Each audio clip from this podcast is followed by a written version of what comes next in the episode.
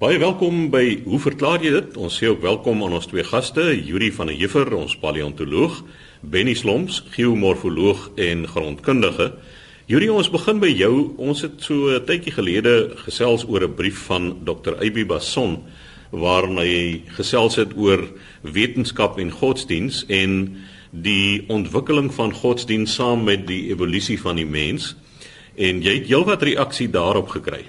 Chris, ja, eintlik het AB beson baie reaksie daar opgekry en die reaksie loop nog.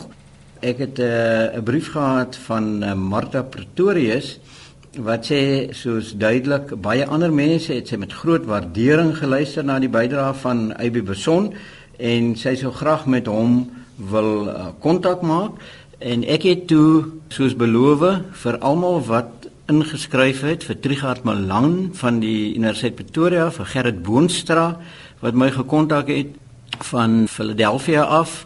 Uh, hy is ook afgetree. Pieter Kutse, die regsgeleerde wat geskryf het en nou natuurlik Martha Pretorius wat sê sy het in 1960 natuurwetenskappe gestudeer hier op Stellenbosch. Ek het almal vir hulle met Eybi se toestemming sy e-pos aangestuur sodat hulle met hom uh, kan kommunikeer. Nou Ons het ook 'n brief ontvang van Gerry Norval. Hy bly in Basingstoke in Hampshire in Engeland. Hy sê hy het AB Beson gekontak en hulle het uh, baie lekker gesels en hy sê Chris hy waardeer jou program baie want dit laat almal van ons dink en dink. Dan het daar 'n brief aangekom van Masha Ainsley. Masha sê sy wil net baie dankie sê. Dis 'n mooi brief in Engels. Baie dankie sê vir die gesprek wat sy gehoor het oor wetenskap en evolusie en sy het baie daarvan gehou en sy voel dat die vrese wat baie Christene het oor hierdie ontwikkeling dalk bygelê kan word met so benadering. Baie dankie Masha. En in die gesprek het ons ook gepraat van uh, twee boeke wat die moeite werd is om te lees vir mense wat belangstel en daar was een navraag geweest om net weer die boeke se name te gee so as iemand dit wil afskryf. Die twee boeke wat ek na verwys het was uh, die een was Atoms and Eden met die subtitel Conversations on Religion and Science en die redakteur is Steve Paulson. P A U L S O N Steve Paulson en dit is 'n samestelling van 21 verskillende auteurs wat hulle idees neergesit het oor enige iets van godsdienstwetenskap en selfs 'n paar ateëste ook. En dan die tweede boek wat ek aanbeveel het was die bekende boek nou van Jaap de Rand wat hy onlangs gepubliseer het oor evolusie, wetenskap en geloof. Jaap de Rand is 'n afgetrede teoloog, baie vooraanstaande teoloog. Hy was verbonde aan die Universiteit van Wes-Kaapland. En die boek handel oor die denke van Tyler de Chardin. Ons het daarvan gepraat dat die kerel was 'n uh, paleontoloog en 'n mistikus en hy het juis probeer in sy tyd om die idee van godsdiens en wetenskap bymekaar te bring. Baie dankie aan die mense wat ingeskryf het. Chris en dan het ons 'n uh, vraag gehad van Gerrit Visser van Blesbok Rand. Hy sê dit wil voorkom asof die wetenskap vandag amper 'n uh, bedreiging geword het. Dit is moeilik om wetenskaplikes te verstaan. Kan hulle mekaar verstaan en wat probeer hulle nou eintlik doen? Nou Gerard, dis 'n aspek van uh, wetenskap en wetenskapkommunikasie wat deesdae nogal baie relevant is. Een van die persone wat baie nou hiermee verbonde is is George Claassen, voorheen van die burger wat dit amper sy missie in die lewe gemaak het om die kommunikasie van die wetenskap na die breë publiek te verbeter en hy lei joernaliste op om wanneer hulle rapporteer in die media oor die wetenskap om dit op 'n verstaanbare manier te doen, op 'n regte manier te doen en ook om aan wetenskaplikes te sê dat hulle op 'n verstaanbare manier behoort te kommunikeer met die breë publiek om te sê wat hulle eintlik doen. Nou 'n baie oulike boek wat hierdie saak bespreek het in 2012 verskyn deur 'n uh, professor van die Universiteit van Columbia in Amerika. Die man se naam is Stuart Firestein in Afrikaans Vuurklip Firestein en die boek se titel is Ignorance How It Drives Science. As 'n mens 'n bietjie terugdink aan ouens wat wonderlike werk gedoen het soos Galileo in die 1600s kan 'n mens sê dat Galileo waarskynlik alles van die wetenskap van sy tyd geweet het. In in hom het hy basies al die kennis gehad. As 'n mens aanbeweeg na Newton, hy het in die laat 1600 sy wette oor die heelal of al gravitasie geformuleer. Uh mens kan aanvaar dat Newton op sy tyd 'n voorse wetenskaplike feitelik alle wetenskaplike kennis in pak gehad het. Nou spring ons nou vandag toe 350 jaar later, min of meer. Nou mense beraam dat daar intussen so iets soos 50 miljoen navorsingsartikels en derduisende boeke verskyn het net oor die natuurwetenskap en die wiskunde. En dit is 'n magdom van kennis wat nou beskikbaar is. Maar ten spyte van al hierdie kennis is die wetenskap vir baie mense 'n ondeurdringbare berg feite. Nou, as 'n mens jou vergaap aan hierdie massa feite en dink my ek kan dit nie verstaan nie. Dit is totaal toegangloos as 'n mens so kan sê. Dan versluier dit eintlik die dieper en die belangriker en die veel interessanter vrae wat die wetenskap vra as mens jou net in die feite vas staar. Dink nou maar aan kameelperde wat nou baie mooi beskryf is. Almal kan 'n kameelperd herken en jy kan hom feitelik beskryf. Daar selfs al mense wat gesê het dit uh, dis duidelik dat 'n kameelperd met sy snaakse struktuur deur 'n komitee aan mekaar gesit is want hoekom lyk hy dan so snaaks?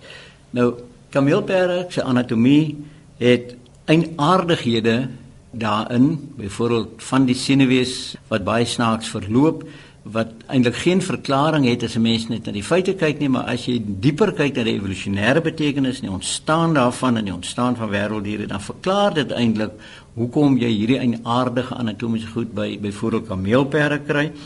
Walvisse is nog 'n goeie voorbeeld. Die goed swem in die see, dit lyk soos visse, groot visse. Waar kom hulle vandaan? Eers as jy na die dieper goed kyk en die vraag vra dan kom jy agter maar dit uit landdiere ontwikkel nou om al hierdie geweldige klomp feite te orden het in die wetenskap die kwessie van spesialisasie ontstaan wetenskaplikes begin spesialiseer nou dit werk eintlik nie baie goed in 'n sekere sin nie want die navorsingsartikels die resultate raak so gespesialiseer dat mense dit nie meer kan verstaan nie en dikwels is daar wetenskaplikes wat vir jou sê luister Ek werk nou in 'n sekere gebied in die ekologie, maar ek verstaan nie die publikasies oor die mense brein of die die genetika of kwantumfisika nie. Sodat dit word eintlik net mense binne 'n spesifieke vakgebied wat die artikels kan lees en verstaan. Nou, ons het 'n dosent gehad baie jare gelede, eh, Dr. Campus Smit, 'n ongelooflike ou man. En hy het altyd die metafoor van 'n baie groot plantsel gebruik. Dit sê as jy nou dink aan 'n enkele plantsel en jy kan hom so groot maak soos die lesingsaal. En dan sit jy duisend wetenskaplikes of botaniste, fisioloë aan die buitekant van die sel en elkeen het so 'n uh, staaf wat hy in die sel kan insteek met 'n handjie vooraan en hy beheer net een chemiese reaksie in die sel. Dan sal daai duisend wetenskaplikes nie die sel kan laat voortbestaan nie. Dit is doodgewoon net te gekompliseerd. En het hy bygevoeg oor hierdie kwessie van spesialisasie dat sy definisie van 'n spesialis was iemand wat al hoe meer en al hoe meer van al hoe minder en al hoe minder weet totdat hy naderhand als van niks af weet nie. Nou, dis waar dat 'n wetenskaplike wel baie moet weet. Maar volgens Firestein is dit nie eintlik wat 'n wetenskaplike definieer nie. 'n Wetenskaplike word gedefinieer deur sy onkunde. En alhoewel dit nou snaaks klink, is Almal van ons besef dat alhoewel ons baie weet, is daar veel meer wat ons nie weet nie. En soos ons kennis toeneem, werk dit ook so dat dit wat ons nie weet nie ook toeneem. En mens kan dus sê dat die wetenskap genereer steeds nuwe en beter maniere om onkundig te wees. Maar dit moet jy ook kwalifiseer.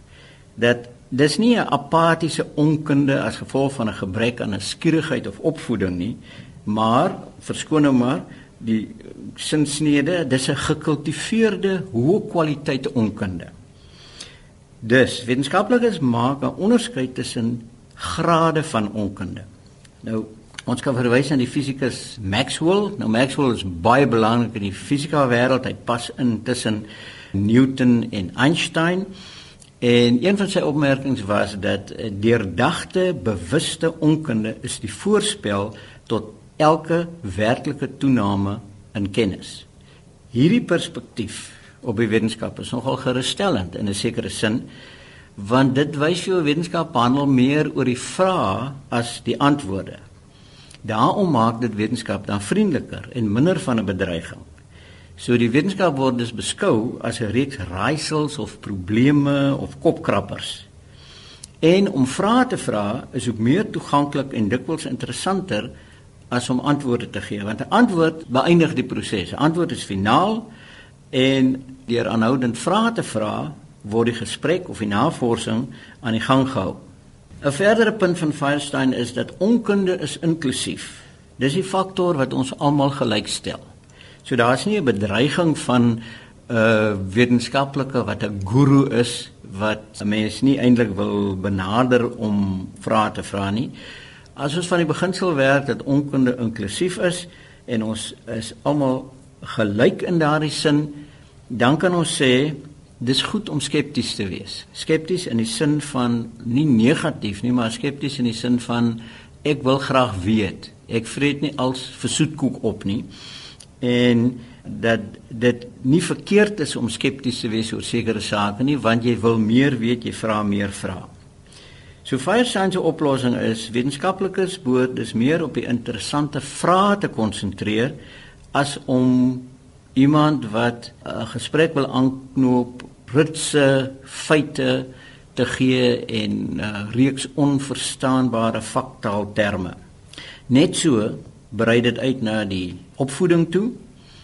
Opvoeders wat feite reeds op die internet beskikbaar het, behoort dit te vermy want dit is dikwels wat in skole gebeur dat die internet gebruik word om baie goed te doen en te verklaar deur skooliere. Ek gebruik die term skoolier hier want dis nogal opvallend dat 'n klomp van ons kinders op skool leer nie eintlik nie. So dis miskien tegnies verkeerd om hulle leerders te noem alhoewel hulle daarmee skool bywoon. So miskien is dit beter om te beskryf as skooliere. So Firestein se oplossing is ook dat opvoeders eintlik goed soos die feitelike materiaal op die internet moet vermy en te konsentreer op probleme op raaisels en op kopkrappers. So sy finale oplossing is dat wanneer 'n mens dus 'n wetenskaplike raak loop, 'n mens haar nie moet vra wat sy weet nie, maar wat sy wil weet. Volgens hom lei dit tot 'n baie beter en 'n bevredigende gesprek. So Gerrit, baie dankie vir die vraag. Ek hoop dit het so 'n bietjie lig op hierdie hoop feite van die wetenskap gewerk. Juri, jy het waarskynlik iewers 'n aanhaling gehoor van ou meneer Andrius Kreur wat vir my Engels gegee het aan die hoërskool De Villiers Graaf. Hy het gedurig gesê mense vra hom kort kort hoeveel leerlinge, nou ja, toe was dit nog nie die woord leerders nie, maar leerlinge is daar aan die skool. Dan sê hy sy antwoord was altyd ek weet hoeveel skooliere daar is, maar hoeveel leerlinge kan ek jou nie sê nie. nou dit was dan Juri van der Heever, ons paleontoloog. Dis Benny Sloms wat aan die woord is. Benny, so tydjie gelede het ons sogenaamde lugfoto's ontvang van die verlore stad van die Kalahari daar naby Verneekpan en jy het toe daaroor gesels en ons het heelwat reaksie daaroor gekry. Dankie Chris. Ons het 'n e-pos ontvang van Willem Foster en hy skryf as volg: Ek het vandag, en dit was 23 Junie gewees, verlede maand gesit en luister na u verduideliking oor die sirkels op die satellietbeeld van Verneekpan. Hy sê ek werk by die Suid-Afrikaanse Ruimteagentskap SANSA. Ek weet nie watter satellietbeeld u voor u gehad het nie, maar ek het gaan kyk na beelde in Google Earth. Die beelde in Google Earth is afkomstig vanaf die QuickBird satelliet en hy het 'n resolusie van 0,5 meter. Dit is 'n redelike goeie resolusie. Mense kan feitelik alles daarmee sien. Dan skryf hy: "Die sirkels waarvan die luisteraar gepraat het, is wel sigbaar. Ek sal nie sê dat die beeld nie gemanipuleer is nie. Hy sê daardie kringe het dalk te doen met reën, plante wat groei en dan waai die sand daarteen teen die plante en vorm dan die kringe." Hy skryf ook dalk moet u 'n grondkundige raadpleeg. En dan sê laastens, nie alle dele op die pan is ewe hard nie. Willem, net kortliks die volgende. Die sirkels en spirale wat op hierdie satellietbeelde verskyn, is nie in Verneekpan self nie. Dit is in die omgewing van Verneekpan, aan die buitekant van die panne self. Dan tweedens het hierdie spirale en sirkels definitief niks met reën, plante of wind wat sand gewaai het te doen nie. Ek is self 'n grondkundige en uh dit was vir my baie duidelik geweest dat dit nie een van daardie vorige prosesse was wat hierdie verskynsels gee nie. Wat ek toe wel gedoen het, ek het hierdie e-pos wat ons ontvang het aan jou gestuur.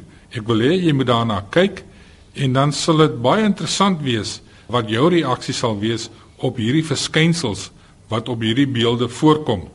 Ek vermoed dat die beelde wat jy voor jou het selfs meer gedetailleerd is as hierdie en die lengte en breedtegrade van hierdie sirkels en uh spirale word op hierdie Google beeld gegee. So jy kan direk soontoe gaan en ek dink al ek self en ons luisteraars sal baie baie geïnteresseerd wees wat jou kommentaar gaan wees op hierdie verskynsels. 'n Volgende brief wat ek ontvang het is van Chris van Duyk van Centurion.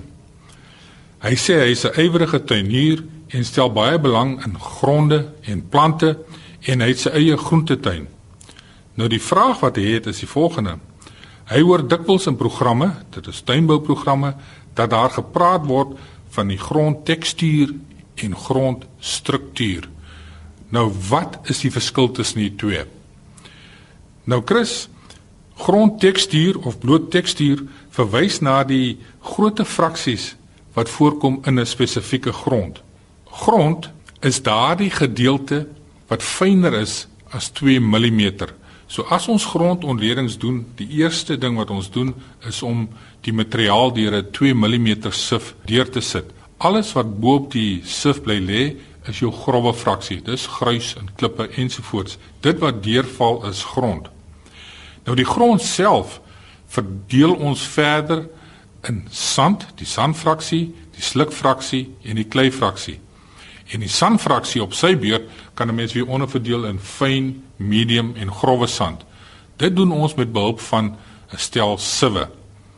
Die sluk en kleifraksie dit is 'n meer gekomplekseerde proses wat gevolg moet word om hulle te kan bepaal. Ons maak gebruik van Stokes se wet, die afsakspoed metode waar ons die grond laat uitsit of neerdal binne 'n maatvles gevul met water en dan kan ons daardie onderskeie fraksies bepaal.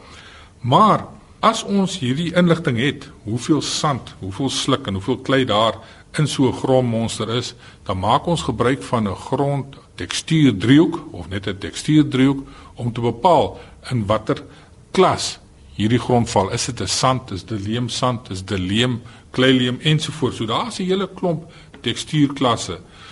Om baie eenvoudig te voel, kan 'n mens na tekstuur verwys as die fynheid of die grofheid van jou grond. Hoe fyner die grond, hoe meer sluk en klei is daarin. Hoe grower jou tekstuur is, hoe meer is die sandfraksie. So dit het te doen met daardie fraksies. Wat baie belangrik is egter, is wat se betekenis van tekstuur. Ek wil net twee baie belangrike eienskappe van tekstuur hier aan jou noem. Eerstens, die waterhou vermoë van 'n grond. Die hoeveelheid water wat vasgehou kan word waar die plante dit weer in die hande kan kry. Hoe fyner die tekstuur, met ander woorde hoe meer sluk en klei in die grond, hoe meer water per eenheid diepte grond kan vasgehou word. Hoe meer sanderig jou grond, hoe minder water kan hy vashou. Die praktiese implikasie is dat hoe meer sanderig jou grond is, hoe korter is jou frekwensies van besproeiing. Hoe meer kleierig die grond is, hoe meer water kan hy vat, hoe langer is jou tussenposes van besproeiing. En dan 'n tweede eienskap, dit is die kation uitruil vermoë van die grond. In leeketaal beteken dit dis die vermoë van die grond om plantvoedingsstowwe vas te hou. En dis hoofsaaklik die klei en die slukfraksie wat hierdie vermoë besit.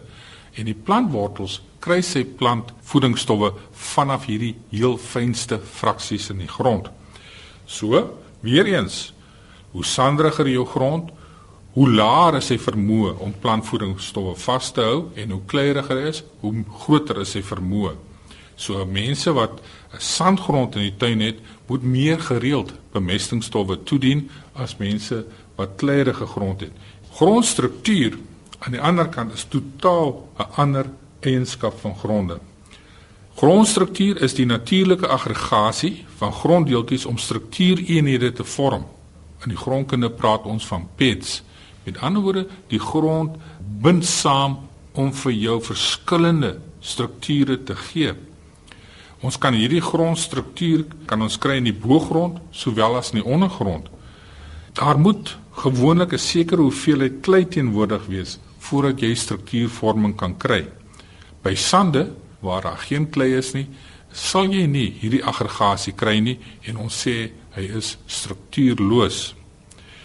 Mens kry verskillende tipes van grondstruktuur en ek wil kortliks hierso vir jou noem. In die boogrond kry ons krummel of granulêre struktuur. U moes dit al gesien het. Ek dink baie luisteraars het dit al gesien. As jy kom by 'n termiet nes of daar wat aktiwiteite van termiete is, dan lê daar so 'n hoopie grond net buitekant die ingang na hierdie termietnes en dit lyk soos broodkrummels. Dis ongelooflike los eenhede en dit is krummelstruktuur, seker van die beste tipe van struktuur wat 'n mens in die boergrond kan kry. Hierdie struktuur is bevorderlik vir goeie deurligting en vir infiltrasie van water. Nou strukture in die ondergrond kan natuurlik baie varierend wees. Mens kan blokstruktuur kry. Dit is ekwodimensionele eenhede van 'n paar sentimeter en dan kan 'n mens ook sterk struktuur kry in die ondergrond waar prismas of kolomme gevorm word. Nou hierdie prismas en kolomme is nie goeie struktuur nie. Dit is nadelig want eerstens beperk dit wortelgroei en hierdie sterk struktuur, die kolomme of die prismas, kan 'n mens op diepte skry van 20 cm. So jy het 'n baie beperkte worteldiepte. Tweedens kry mense dat bokant hierdie sterk struktuur in die ondergrond kan water akkumuleer. So dit is 'n ondeurdringbare laag vir water en water kan gedurende die reenseisoen bokant hierdie klei strukture ophoop en plante wat gevoelig is vir natheid sal natuurlik nie aard op hierdie tipe struktuur nie. En dan laastens, daar's natuurlik meer eienskappe, laastens die erosie gevaar. Ons kry dat die natriuminhoud van hierdie prismatiese en kolomnêre struktuur dit lyk letterlik soos bakstene wat jy op sy kop staan maak en teen mekaar impak so lyk hierdie struktuureenhede en een van die redes hoekom hulle ontwikkel is vanweë die hoë natrium en of magnesium inhoud daarvan. En dit natuurlik maak dat daardie gedeelte van die grond brak is. En omdat hy hoë natrium het is hy geweldig gevoelig vir watererosie luisteraars wat al deur die Oos-Kaap gereis het en sekere dele van KwaZulu-Natal sou gesien het die voorkoms van hierdie baie baie diep dongas wat in daardie area voorkom. En as 'n mens gaan kyk na die profiel self, dan sou jy gesien het dat op 'n sekere diepte, dis binne 50-60 cm vanaf die oppervlakte, sit hierdie klei strukture, die kolomme of die prismas. En as die boogrond weggeërodeer word en normaalweg is dit vanweë diere wat op en af stap teen jou hange of hulle gebruik nog sleë vandag om goed te vervoer sodra hy boogrond geërodeer is en die water kom tot by hierdie natriumryke gestruktureerde ondergrond dan is dit letterlik so suiker soos hy oplos en wegspoel. En dit is hierdie struktuureenhede wat veroorsaak dat ons daardie groot erosie voorkoms het En uh dit is definitief nie bevorderlik om uh, sulke tipe van eienskappe te hê in die ondergrond indien jy met meerjarige en selfs eenjarige gewasse boer nie. Benny dra erwurms ook by tot die struktuur van die grond. Ja, gewis. Die mooiste voorbeelde is natuurlik die uitwerpsels wat jy kry van uh, erwurms. Maar gepraat van erwurms, Yuri, in die Oos-Kaap pad Stadreim toe kry mense van hierdie reuse erdwurms ons het al daarvan gepraat in vorige programme 'n paar jaar gelede en as 'n mens gaan kyk na fotos en beelde wat van 'n sekere hoogte geneem is van die landskap, dan is die hele wêreld omgedolwe daarso. Dit lyk presies soos dit lyk hierso in die uh, Noord-Kaap waar mense vir diamante gedelf het en die hele wêreld is vol slote en hope. Maar as 'n mens gaan kyk na daardie beelde van waar hierdie reuse aardwurms doenig is, dan sal jy sien daar is 'n definitiewe patroon. Daardie hope en die kom ons sê maar die laagtes, daar waar die aardwurms uh, aktief is, is baie mooi aan een geskakel. So wat die aardwurms eintlik daar bereik is om daardie hele area, dis hoekom die helling se oppervlakdreinering te verbeter. So die laagtes is aan een lopend en kan die oortollige water en dis 10 teen ook maar dupleksgronde wat daar lê, kan die water uit die landskap verwyder word en sit hulle met hierdie hope tussenin die laagtes waarin hulle redelik veilig is dat hulle nie daarso in 'n uh, nat hidromorfe toestande sit nie. Maar daar word die aarde Yuri letterlik tot 'n meter word hy gelig en dit is die die die aktiwiteit van daardie reuse aardwurms. En daar het die tyd ons ongelukkig ingehaal. Dis dan Benny Sloms, ons geomorfoloog en grondkundige. U kan gerus aan ons skryf by Hoe verklaar jy dit? Posbus 2551 Kaapstad 8000 of stuur 'n e-pos aan chris@rsg.co.za.